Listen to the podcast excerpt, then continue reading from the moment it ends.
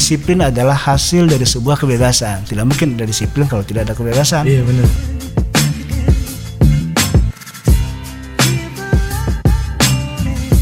Apa sih values-values yang diajarkan Madania kepada siswa-siswi yang belajar di sini?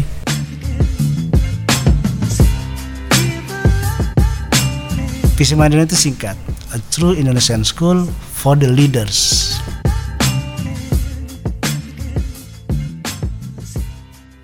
Lanjut pertanyaan tadi apa? Ya. Saya ingin nanya nih, kapan sekolah Madania tuh resmi berdiri tuh Pak? Ya, tadi kan saya bilang yayasan berdiri tahun 95 ya. Iya. Lalu setahun kemudian eh, didirikanlah sekolah Madania atau SMU boarding school. Hmm. Itu deklarasinya atau peresmiannya pada tanggal 27 Februari Iya. 1996. Hmm. Jadi artinya sekarang 2019 kita sudah berusia 23 tahun. Hmm. Sebentar lagi 24 di Februari 2020 ya gitu. Nah, kira-kira itu askal askal jadi dari apa yang saya Bapak jelaskan tadi sampai ke soal waktu dan itu penting pertanyaanmu tadi kapan deklarasi peresmian itu karena gini dalam sejarah kalau kita lihat eh, buku-buku sosiologi yang ditulis oleh Ibnu Khaldun misalnya itu satu apa yang disebut tradition atau sibgoh dalam bahasa Arab itu dia biasanya akan menjadi satu sistem dalam sebuah institusi itu siklusnya biasanya 20 tahunan. Tetapi dengan revolusi informasi, revolusi pengetahuan yang 20 tahun itu sekarang bisa kita persingkat. Gitu maka ketika Madania sudah berusia 23 tahun apalagi sudah melebihi melebihi 20 tahun gitu ya. Maka sistem regulasi itu bukan lagi bagian dari luar kehidupan eh, sivitas akademika Madania, tapi dia sudah harus mengalami internalisasi. Mengalami internalisasi bahwa saya misalnya tidak terlambat mengajar di kelas itu itu bukan karena regulasi lagi. Kalau di awal karena regulasi ya ada teguran ada sanksi segala macam. Tapi kalau sudah 20 tahun ke atas atau malah tadi bisa dipercepat menjadi 10 tahun gitu misalnya dia harus sudah menjadi way of life jadi kehidupan yang berperadaban yang ciri utamanya adalah dia disiplin dan itu tidak mungkin peradaban muncul tanpa adanya disiplin Iya. jadi disiplin itu sudah menjadi way of life dia. Kira-kira umur dari pertanyaanmu tadi itu sehingga terjawab menjadi 23 tahun itu harus sudah menunjukkan itu dan insya Allah Madania sebagian besar walaupun ada satu dua hal yang belum seperti yang saya katakan menginternal tadi Iya. tapi sudah sembilan sebagian besar sudah menjadi way of life dari regulasi dan disiplin yang ada di Madania bagi buat apa baik buat para bapak ibu guru juga buat para eh, murid di Madania. Ya. Ngomong-ngomong tentang karakter kan, tadi Bapak menyebutkan banyak sekali kata karakter nih. Ya, hmm. Saya ingin bertanya, apa sih values-values yang diajarkan Madania kepada siswa-siswi yang belajar di sini? ya ini pertanyaan mendasar Askal. Jadi kita punya apa yang disebut fundamental values of Madania. Iya. Pertama tadi sejarah dan makna Madania sudah kita diskusikan tadi kan Iya. di awal. Yang kedua visi Madania. Hmm? Yang ketiga misi Madania. Yang keempat values Madania. Dan yang terakhir ada oh, bukan yang terakhir. Sebelum yang terakhir itu ada namanya uh, learn- learner profile, Learner profile, Madania yang itu harus dimiliki oleh anak-anak, oleh murid dan oleh guru. Dan yang terakhir ada logo Madania. Oh iya. Jadi ada kira-kira enam dia terintegrasi dia menjadi satu wawasan besar tentang apa yang disebut fun- fundamental val- values of Madania. Gitu. Nah jadi kalau pertanyaan tadi nilai-nilai apa, kita mulai dari misalnya visi Madania. Visi Madania itu singkat, a true Indonesian school for the leaders. A true Indonesian school. Kita tidak menyebut dulu kita pernah menyebut uh, world class standard. A true iya. Indonesian uh, apa world class standar gitu. Tapi kita sekarang visi kita menjadi a true Indonesian school for the leaders. Apa itu a true Indonesian school? Cak Nur dan para pendiri sekolah Madania itu mencanangkan bahwa sekolah Madania adalah sekolah Indonesia. Hmm. Sekolah Indonesia yang asli Indonesia yang kekuatannya dibangun dari kekuatan-kekuatan yang ada di Indonesia soal gotong royong, soal hormat kepada yang tua, sayang kepada yang muda, soal silaturahmi, soal kerjasama dan seterusnya itu kan kekuatan-kekuatan yang ada di Indonesia. Iya. Dibangun dari situ. Maka di Madania misalnya permainan-permainan dalam pengajaran itu permainan Nusantara yang tradisional kan kita kita jalankan kan kita berikan kepada anak-anak. Kemarin misalnya ada main layang-layang, main congklak, main engrang dan sebagainya kan gitu. Itu karena tujuan kita adalah kita udah kaya sekali. Banyak orang yang kemudian lupa pada kekayaannya sendiri lalu dia selalu eh, mengutip mengambil kekayaan eh, bangsa lain. Kita Madania walaupun kita tidak tertutup terhadap kebudayaan, kehebatan bangsa lain gitu. Karena itu kita kemudian apa namanya eh, menerapkan juga di eh, secondary Cambridge di primary itu PYPIB gitu. Itu kan bagian dari bahwa kita terbuka untuk budaya-budaya yang dari luar gitu. Nah, maka a true Indonesian school itu maksudnya itu. Sebagai sekolah Indonesia asli, sebagai sekolah Indonesia yang otentik gitu for the leaders untuk menciptakan para pemimpin. Para pemimpin formal, non formal, informal itu para pemimpin. Askal Hmm? secara individual Askal udah menjadi seorang pemimpin bisa memanage kehidupan kapan bangun kapan tidur kapan istirahat kapan mengerjakan proyek kapan apa yang harus dilakukan pada saat di kelas dan sebagainya. Ada karena leader itu adalah dia bisa bisa mengarahkan dia bisa memimpin keinginan-keinginan eh, dirinya yang sudah terkonsep dalam kehidupannya. Itu salah satu leader pengertian leader yang paling utama adalah itu. Karena itu kekuasaan kata para filosof adalah kemampuan menyelesaikan pekerjaan dan masalah. Hmm. Karena itu bebas kan di Madania itu. Iya. Kebebasan kan walaupun kemudian antara kebebasan dan disiplin dia menyatu. Kebebasan adalah hasil ke sorry disiplin adalah hasil dari sebuah kebebasan. Tidak mungkin ada disiplin kalau tidak ada kebebasan. Iya benar. Demikian juga tidak mungkin ada kebebasan kalau tidak ada Disiplin. disiplin. Dia dari dua apa nah seperti dua dua dari satu mata uang gitu ya dua. Oke, itu yang pertama, visi kita berangkat dari situ. Jadi leader itu yang kita bangun. Leader kan kita bilang harapan, tujuan, cita-cita Iya. besar, the big picture dan sebagainya. Bagaimana kita uh, apa yang harus kita lakukan untuk mencapai visi tadi itu? Maka ada namanya misi. Jadi misi itu adalah apa yang akan Madania lakukan supaya visi itu tercapai. Hmm. Nah, kita merumuskan empat mission Madan, misi Madania. Bahwa Madania itu pendidikannya, education toward pendidikannya diarahkan kepada satu eh, apa apa consciousness of God. Oh iya. iya. Ya kan, tahu kan askal itu. Satu pendidikan kita diarahkan kepada agar anak-anak didik Madania itu memiliki kesadaran tentang kehadiran adanya kehadiran Tuhan dalam kehidupannya. Awareness of God atau consciousness of God. Gitu. Jadi, kenapa itu penting kita jadikan sebagai misi kita pertama?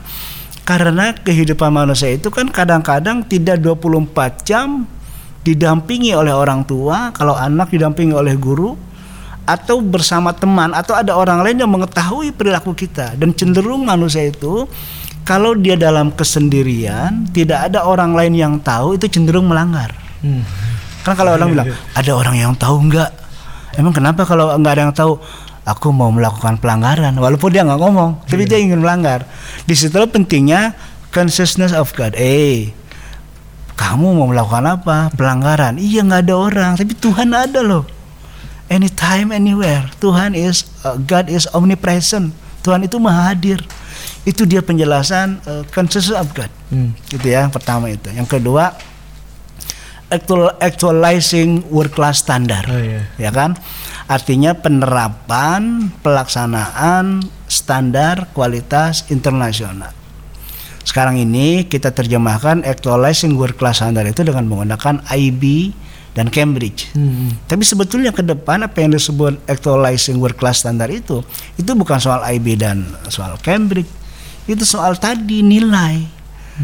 Nilai apa namanya nilai-nilai yang tidak menunggu kata ya, Ibnu Khaldun ya, ahli sosiologi dunia dunia yang pertama itu orang-orang yang disebut civilized culture itu pertama kali tidak menunggu tapi dia mencari dia. Dia bergerak gitu. Itu ciri bahwa dia kata Ibnu Khaldun memiliki apa yang disebut civilized culture. Kultur yang civilized gitu. Yang kebalikannya adalah primitive culture. Hmm. kalau primitive culture menunggu dia. Menunggu dia terus "Eh, emang kamu disuruh baca buku itu ya? Gitu. Enggak. Lo kok kamu baca itu?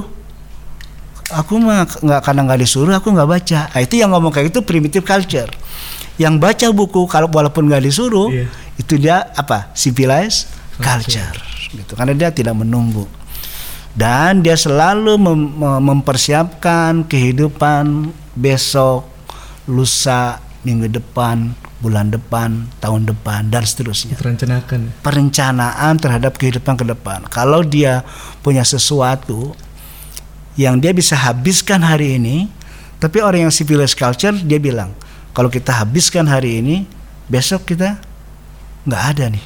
Besok kehabisan apa yang kita habiskan hari ini. Karena itu dia diatur dalam sebuah perencanaan, planning. Hmm.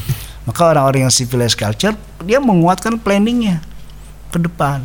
Dalam arti lain, dia memikirkan kehidupan di masa depan. Makanya kata Al-Quran, walal akhiratu khairul laka minal ula. Kehidupan hari ini itu, kehidupan hari ini itu tidak boleh menghabiskan, mematikan kehidupan yang akan datang Hmm. ada orang yang hari ini pesta-pesta tapi sampai sebulan dua bulan dia teler dia sakit misalnya narkoba Hmm. maka orang-orang yang menggunakan narkoba pergaulan bebas itu primitive culture Hmm. karena dia nggak mikir akibat-akibat buruk yang muncul dari perbuatannya Oh, benar. akibat buruk itu kan the next kan Iya. Nah, itu itu civilized culture maka dalam Islam itu dan juga dalam agama-agama lain ada uh, training soal uh, soal bagaimana menunda kesenangan sementara untuk kebahagiaan dan kebaikan di masa yang lebih panjang masa depan itu salah satunya puasa Oh. puasa itu yang tadinya biasa kita pagi-pagi sarapan minum kopi teh manis dengan pisang goreng dan sebagainya nikmat kan Hmm. pada saat kita puasa oh itu nggak boleh makan siang lunch biasanya kita boleh segala macam. Oh itu nggak boleh. Dikumpulkan di maghrib. Menunda kesenangan sesaat kita kumpulkan di maghrib. Karena itu pas maghrib bahagia nggak orang yang puasa? Bahagia pasti. sangat bahagia. Azan maghrib ditunggu-tunggu itu. Kalau nggak puasa kan biasa aja ya azan maghrib ya. Tapi pas puasa udah maghrib belum? Udah maghrib belum? Langsung makan. langsung pas Allahu Akbar apa azan kita langsung. Itu satu. Hmm. itu civilized culture. Jadi actualizing world class standard mendidik anak-anak kita memiliki kualitas global kualitas internasional baik yang sifatnya karakter tadi itu Ya. dia menun- mampu menunda kesenangan sesaat demi masa depan lalu juga dia tidak menunggu gitu dan apa namanya dan memiliki kehidupan yang penuh disiplin di masyarakat kan internasional itu kita lihat coba kalau nggak usah Eropa nggak usah Amerika misalnya kita ke Singapura aja Hmm. Yang di sini teman-teman kita ya Iya. buang sampah sembarangan di jalan Iya. kan saya sering lihat tuh kalau di belakang mobil seseorang dia buka kaca blong apa Iya. blong buang sampah di tengah jalan tol itu segala macam coba kita ke Singapura orang yang tadi buang sampah sembarangan Denda. ah dia nggak berani kan Ih, nggak berani. bakal. gitu nah itu sebetulnya civilized culture disiplin dia gitu. Nah nah kira-kira actualizing world class itu lebih kepada substansi nilai-nilai itu. Karena kita sekarang itu memang harus banyak terbuka dan belajar maka aktualisasi dari world class standard itu kita tadi pakai M Cambridge dan PYP IB itu world class standard. Yang ketiga ya karena visi yang misi yang ketiga adalah eh, apa namanya noble karakter. Hmm. noble karakter kan? Jadi hidup berdasarkan apa yang disebut noble karakter itu. Karakter yang bermartabat. Karakter yang apa yang disebut bermartabat itu karakter yang selalu kalau ada satu situasi di luar yang tidak menyenangkan dia akan melihat ke dalam diri saya. Aku. Hmm. apa yang menyebabkan itu terjadi? Yang keluar dariku. Dan apa yang membuat aku bisa berikan kontribusikan kepada situasi yang kurang baik itu supaya dia jadi baik. Noble karakter ya jadi karakter yang bermartabat yang dalam bahasa Indonesia itu kira-kira eh, karakter keperwiraan. Hmm. bahasa Arabnya disebut aifah. Bahasa Indonesia itu karakter keperwiraan. Apa seorang perwira kan? Berani bertanggung jawab. Kalau benar dia dengan cara-cara yang efektif dia sampaikan. Iya. itu hati-hati loh. Benar tidak cukup. Benar tidak cukup. benar tidak cukup dia harus memiliki strategi yang efektif untuk menyampaikan kebenaran itu. Banyak orang-orang hebat menyampaikan kebenaran tapi tidak menghas- tidak memperhatikan strategi yang efektif, gagal.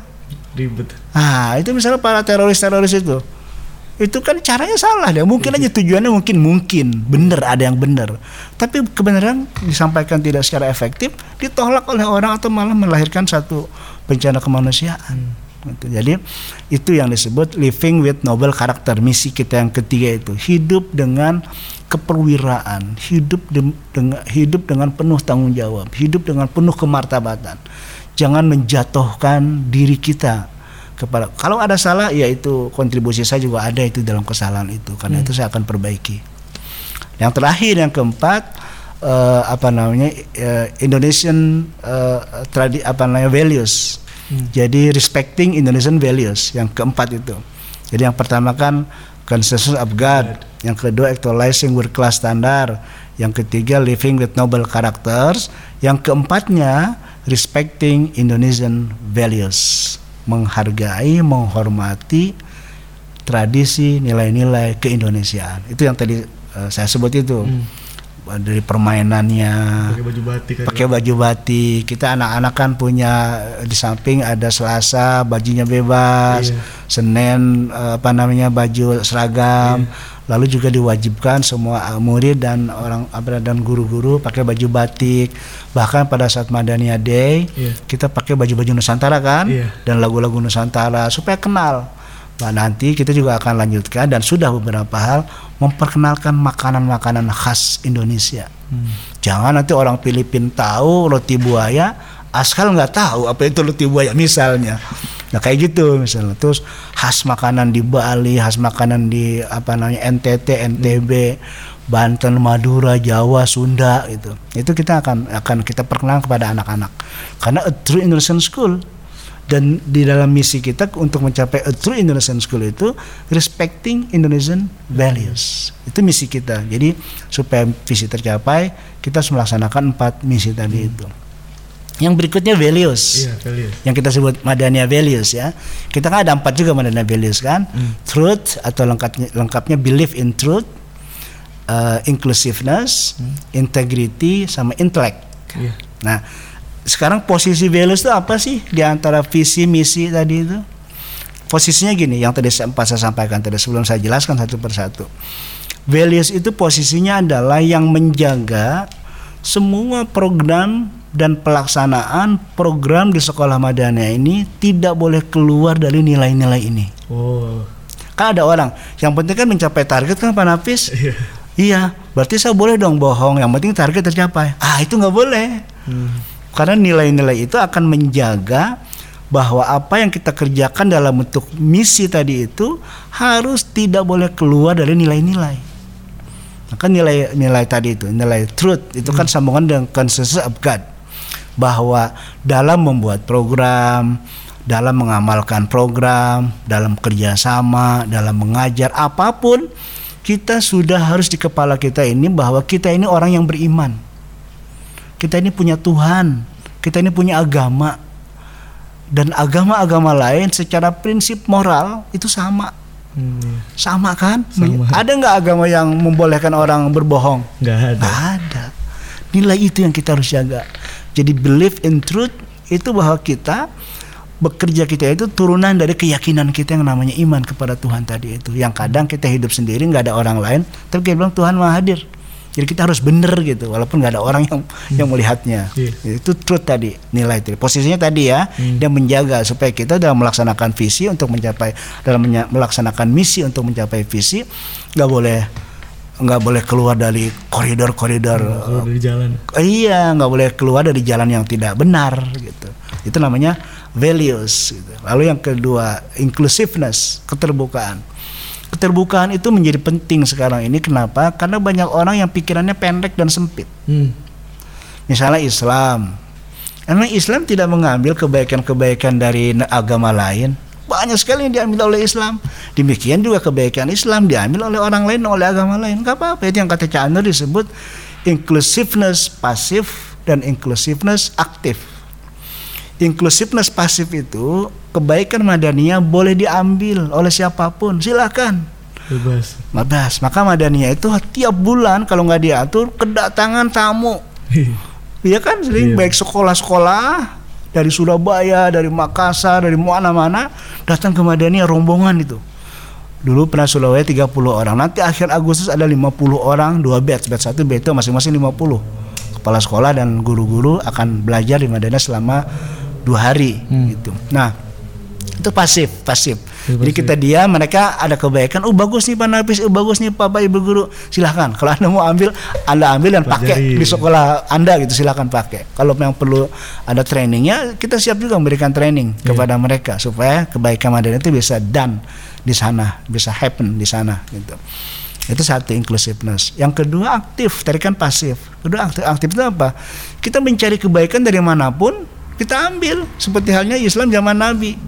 Itu menara masjid, askal mungkin tahu kan ada menara ya setiap Iya. masjid itu. Di situ ada speaker kan Oh, di arah iya. atas. Itu kan bahasa Arab namanya manaroh. Mana? Di Indonesia kan menjadi menara karena Indonesia susah mencari apa menerjemahkan kata manaroh dalam bahasa Indonesia jadi menara aja. Itu tuh milik dari tradisi dan kebudayaan agama Majusi. Yang dulu kalau Majusi kan menyembah api, Iya. Untuk memberikan waktu penyembahan api itu bahkan untuk meninggikan api, api itu ditaruh di sebuah menara, Oh. manaroh. Maka dia tinggi api orang-orang banyak menyembah orang Majusi itu kepada api. Nabi Muhammad dan para sahabat, oh itu menara menarik tuh buat kita dijadikan dalam konsep untuk memanggil orang waktu sholat. Hmm. Dulu kan nggak ada speaker, Iya. jadi menara itu Bilal muazin Nabi itu kalau waktu sholat dia naik ke menara, lalu di paling atas itu dia azan. Lebih kedengeran. Iya, betul, supaya kedengar ke rumah yang lebih jauh. Azan gitu. Maka diambil oleh orang Islam dan nggak apa nggak masalah gitu kan jadi menara jadi menara gitu. Itu uh, inclusiveness aktif. Dan banyak lagi sarung di Indonesia. Emang sarung itu Islam? Waduh. Bukan kan? Sarung itu kan dari Gujarat, India. Coba di Arab nggak ada yang pakai sarung. Ada yang beberapa yang ingin nyentrik. Di Arab kan baju gamis, Iya. baju panjang kan. Iya. Nah jadi lalu apakah itu kurang Islam? Kalau kita pakai sarung, enggak kan? Pakai peci kiai-kiai di kampung bersarung sama peci. Saya kalau ke Mekah sama ke Madinah itu, Iya. yang tadi Askel bilang Madinah itu, lalu lalu Makkah itu, kadang-kadang saya tetap pakai baju sarung sama baju koko dan peci hitam. Dan itu rupanya yang bikin mereka unik kepada kita. Kalau kita ke sana pakai baju gamis, ya udah kayak orang sono. Iya. Tapi kalau sana minta orang minta foto sama saya, eh foto ya aku, anda dari mana? Dari Indonesia. Karena saya pakai sarung, pakai baju koko Indonesia, dan kemudian pakai peci hitam. Itu kan dari sekian orang kan sedikit. Iya. Saya mempertahankan identitas kultur Islam Indonesia kira-kira. Itulah inclusiveness, jadi terbuka. Sama dengan hal berpendapat, bapak ibu guru, anak-anak. Pendapat yang berbeda dari kita itu bukan berarti salah. Hmm.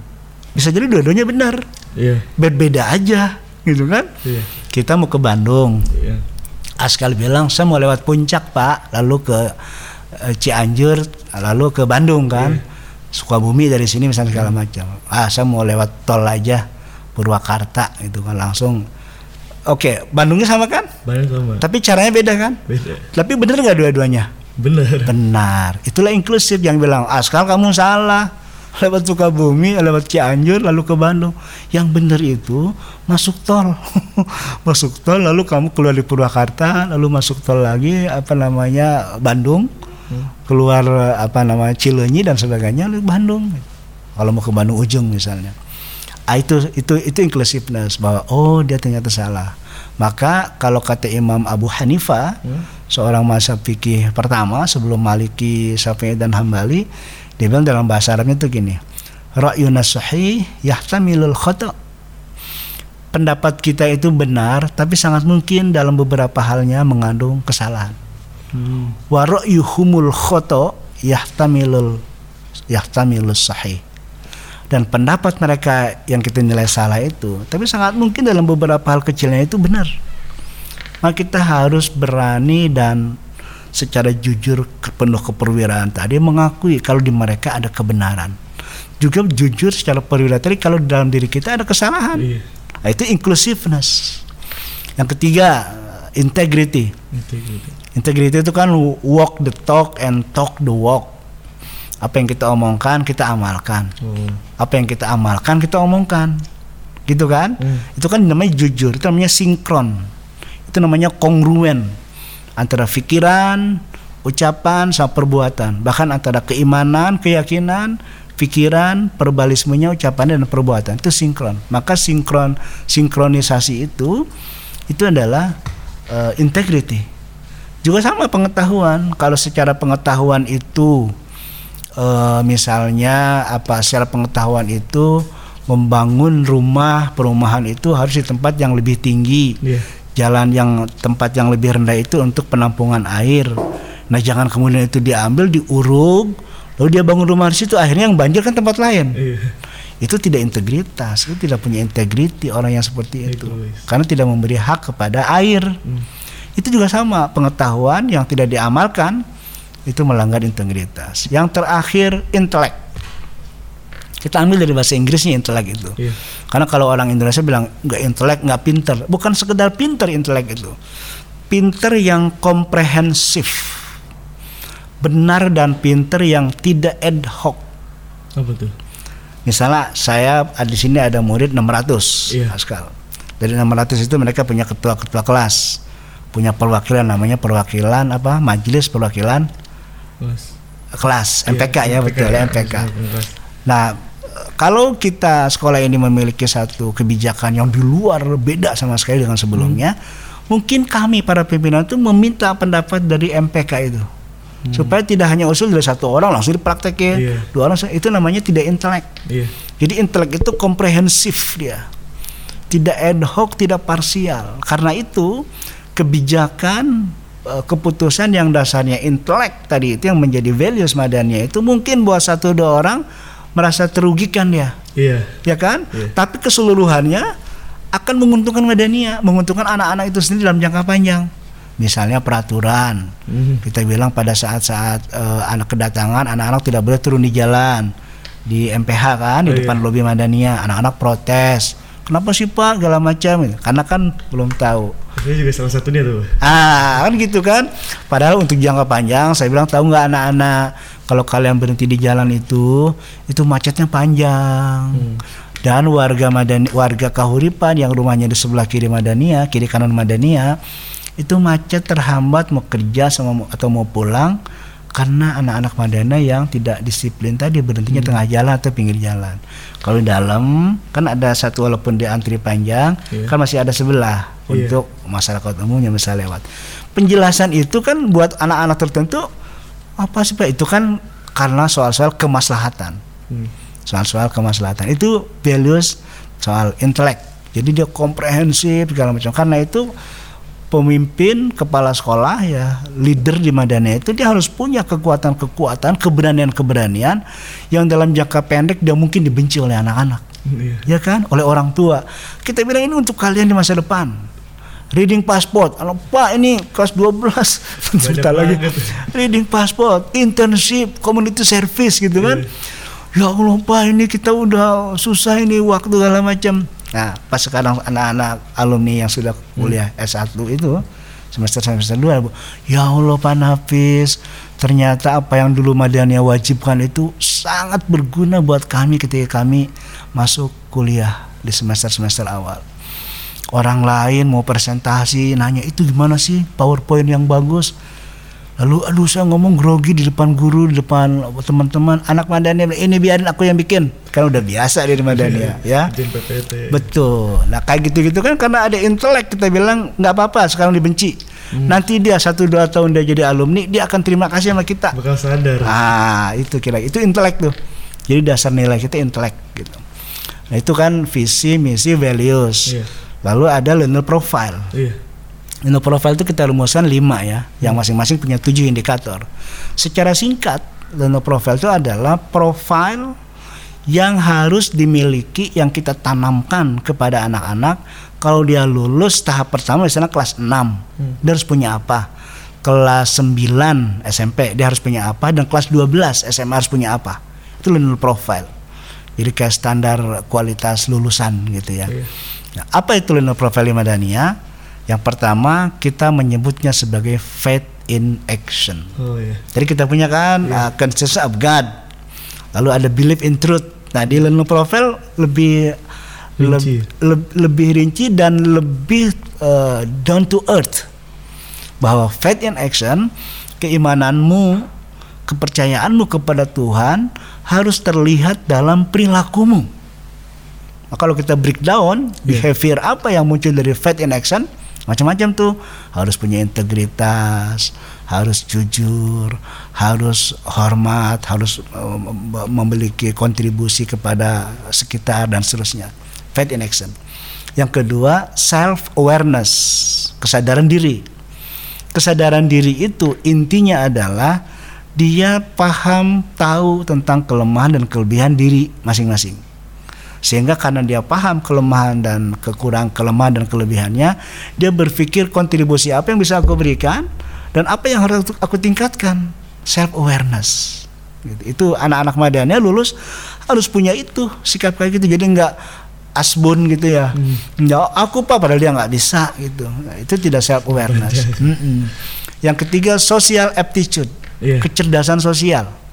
Apa itu kecerdasan sosial kan kita melihat ada ada soal kematangan di situ maturity Hmm. maturity itu kan kalau kita bikin diagram itu eh, tenggang rasanya tinggi keberaniannya tinggi Hmm. itu yang ada di kuadran satu kuadran dua kan itu kan ada orang keberanian tinggi tenggang rasa rendah Hmm. maka dia win lose kan Hmm. gitu ada lagi kebera- tenggang rasa tinggi Keberanian rendah. keberanian rendah lose win nah kita yang ideal adalah keberanian tinggi ke, ketenggang rasa juga tinggi. itu win-win. Jadi kira-kira apa yang disebut social aptitude itu Iya. ada mentalitas win-win di situ. Bahwa ada orang ngomong ada guru ngomong. Karena sekarang kan musim revolusi intelek revolusi informasi teknologi sangat mungkin dalam beberapa hal murid lebih banyak tahu kan daripada guru. Iya. kan? Askal mungkin menemukan tuh soal yang Askal seneng di komputer di internet gitu. Lalu guru ngomong kayaknya kurang pas tuh guru. Nah orang yang memiliki apa namanya apa kematangan tadi atau win-win tadi itu itu dia yang memiliki social aptitude tadi dia nggak langsung bapak ibu yang tadi bapak ibu sampaikan itu salah. Kan nggak gitu. Iya, iya. Betul. Itu yang tidak matang kan ngomong kayak gitu. Itu yang tidak apa namanya tidak social aptitude. Tapi yang punya social aptitude kecerdasan sosial dia akan diam lalu setelah berdua dia akan datang. Pak tadi menarik loh penjelasan bapak. Tapi kok saya ada penjelasan lain ya yang tadi bapak sampaikan? Sehingga bapak ibu guru bilang oh kamu yang benar itu. Bapak tadi kurang pas. Tapi tidak ada orang tidak dijatuhkan. Social aptitude. Apal nggak sekali yang keempat apa Oh. Ah, yang keempat, well balanced life. Oh iya. iya. Ya kan? Tahu. Kehidupan yang seimbang. Askal besok mau ujian Cambridge. Hmm. Besok nih jam 7, jam 7.30. Karena belum siap-siap, belajar sampai jam 1 dini hari. Kata mamanya, Askal kamu ntar mah segala macam, segala macam. Akhirnya Askal bangun jam 8. ujian 7.30. Nah, itu tidak well balanced life. Listen to your body. Karena itu planningnya harus kuat. Kalau Cambridge itu banyak sekali project, banyak sekali pra, pra- pelajaran yang pra, pra- pembelajaran yang harus dipelajari, yang dikuasai, maka atur waktu. Ya itu yang kita bilang manajemen waktu itu loh, time management tadi itu tentang urgent sama important itu loh, penting dan penting dan tidak penting dan sebagainya gitu. Nah, anak-anak madanya kita ajarkan itu bahwa kehidupan kalian itu harus seimbang. Keseimbangan itu termasuk soal olahraga kapan, tidur kapan, makan kapan, nonton televisi kapan, istirahat kapan, ngobrol kapan. Itu well balanced life. Karena orang-orang hebat di dunia ini dia disiplin. Hmm. Disiplin itu muncul karena ada filosofi yang namanya well balanced life. Olahraga terus-terusan sehat nggak itu? Oh enggak juga. Enggak. Makan kebanyakan Gendut. gendut dan waduh itu penyakit itu. Iya, obesitas Kan? ya. Iya obesitas dan sebagainya gitu ya. Yang terakhir apa yang terakhir? Intellectual literacy. Hmm. Sehat dia. social aptitude bagus, self awareness bagus, faith in action bagus, tapi pengetahuannya nol. Kira-kira dipakai orang nggak? Enggak lah ya, nggak mau diajak kerja sama lah. Maka dia harus baca buku, nilainya juga di kelas harus bagus, gitu. Supaya apa? Supaya tidak ketinggalan terhadap informasi-informasi yang memang harus dan itu bagian yang harus dia kuasai.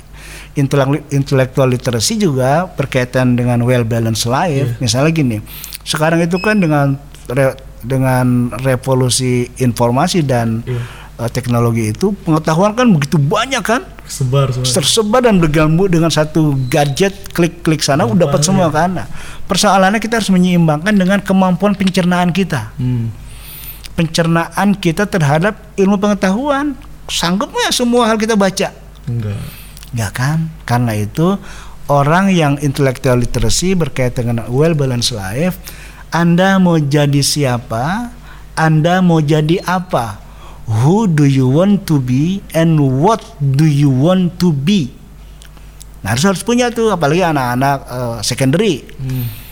ya kan? Dia bilang who do you want to be? Anda mau jadi siapa? Cari orang-orang hebat. Karena menurut cara kerja otak itu untuk menjadi hebat yang paling mudah adalah tiru orang hebat itu who do you want to be? Kamu menjadi siapa? Einstein. Hmm. apa tuh yang yang Einstein baca? Apa tuh disiplin yang Einstein lakukan?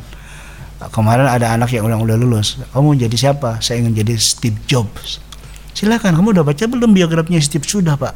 Tidur berapa jam sehari? Baca bukunya apa? Sikapnya apa? Wah dipelajari. Tiru aja. Nanti kalau ada yang nggak cocok baru dia filter terhadap yang oh ini saya orang cocok sama ininya filter. Maka intellectual literacy itu berkaitan dengan bukan hanya dengan membaca dalam pengertian tekstual, tapi juga kontekstual. Begitu Askal hmm. yang saya jelaskan secara apa mendasar yang tadi Askal hmm. bilang cukup penting tadi itu.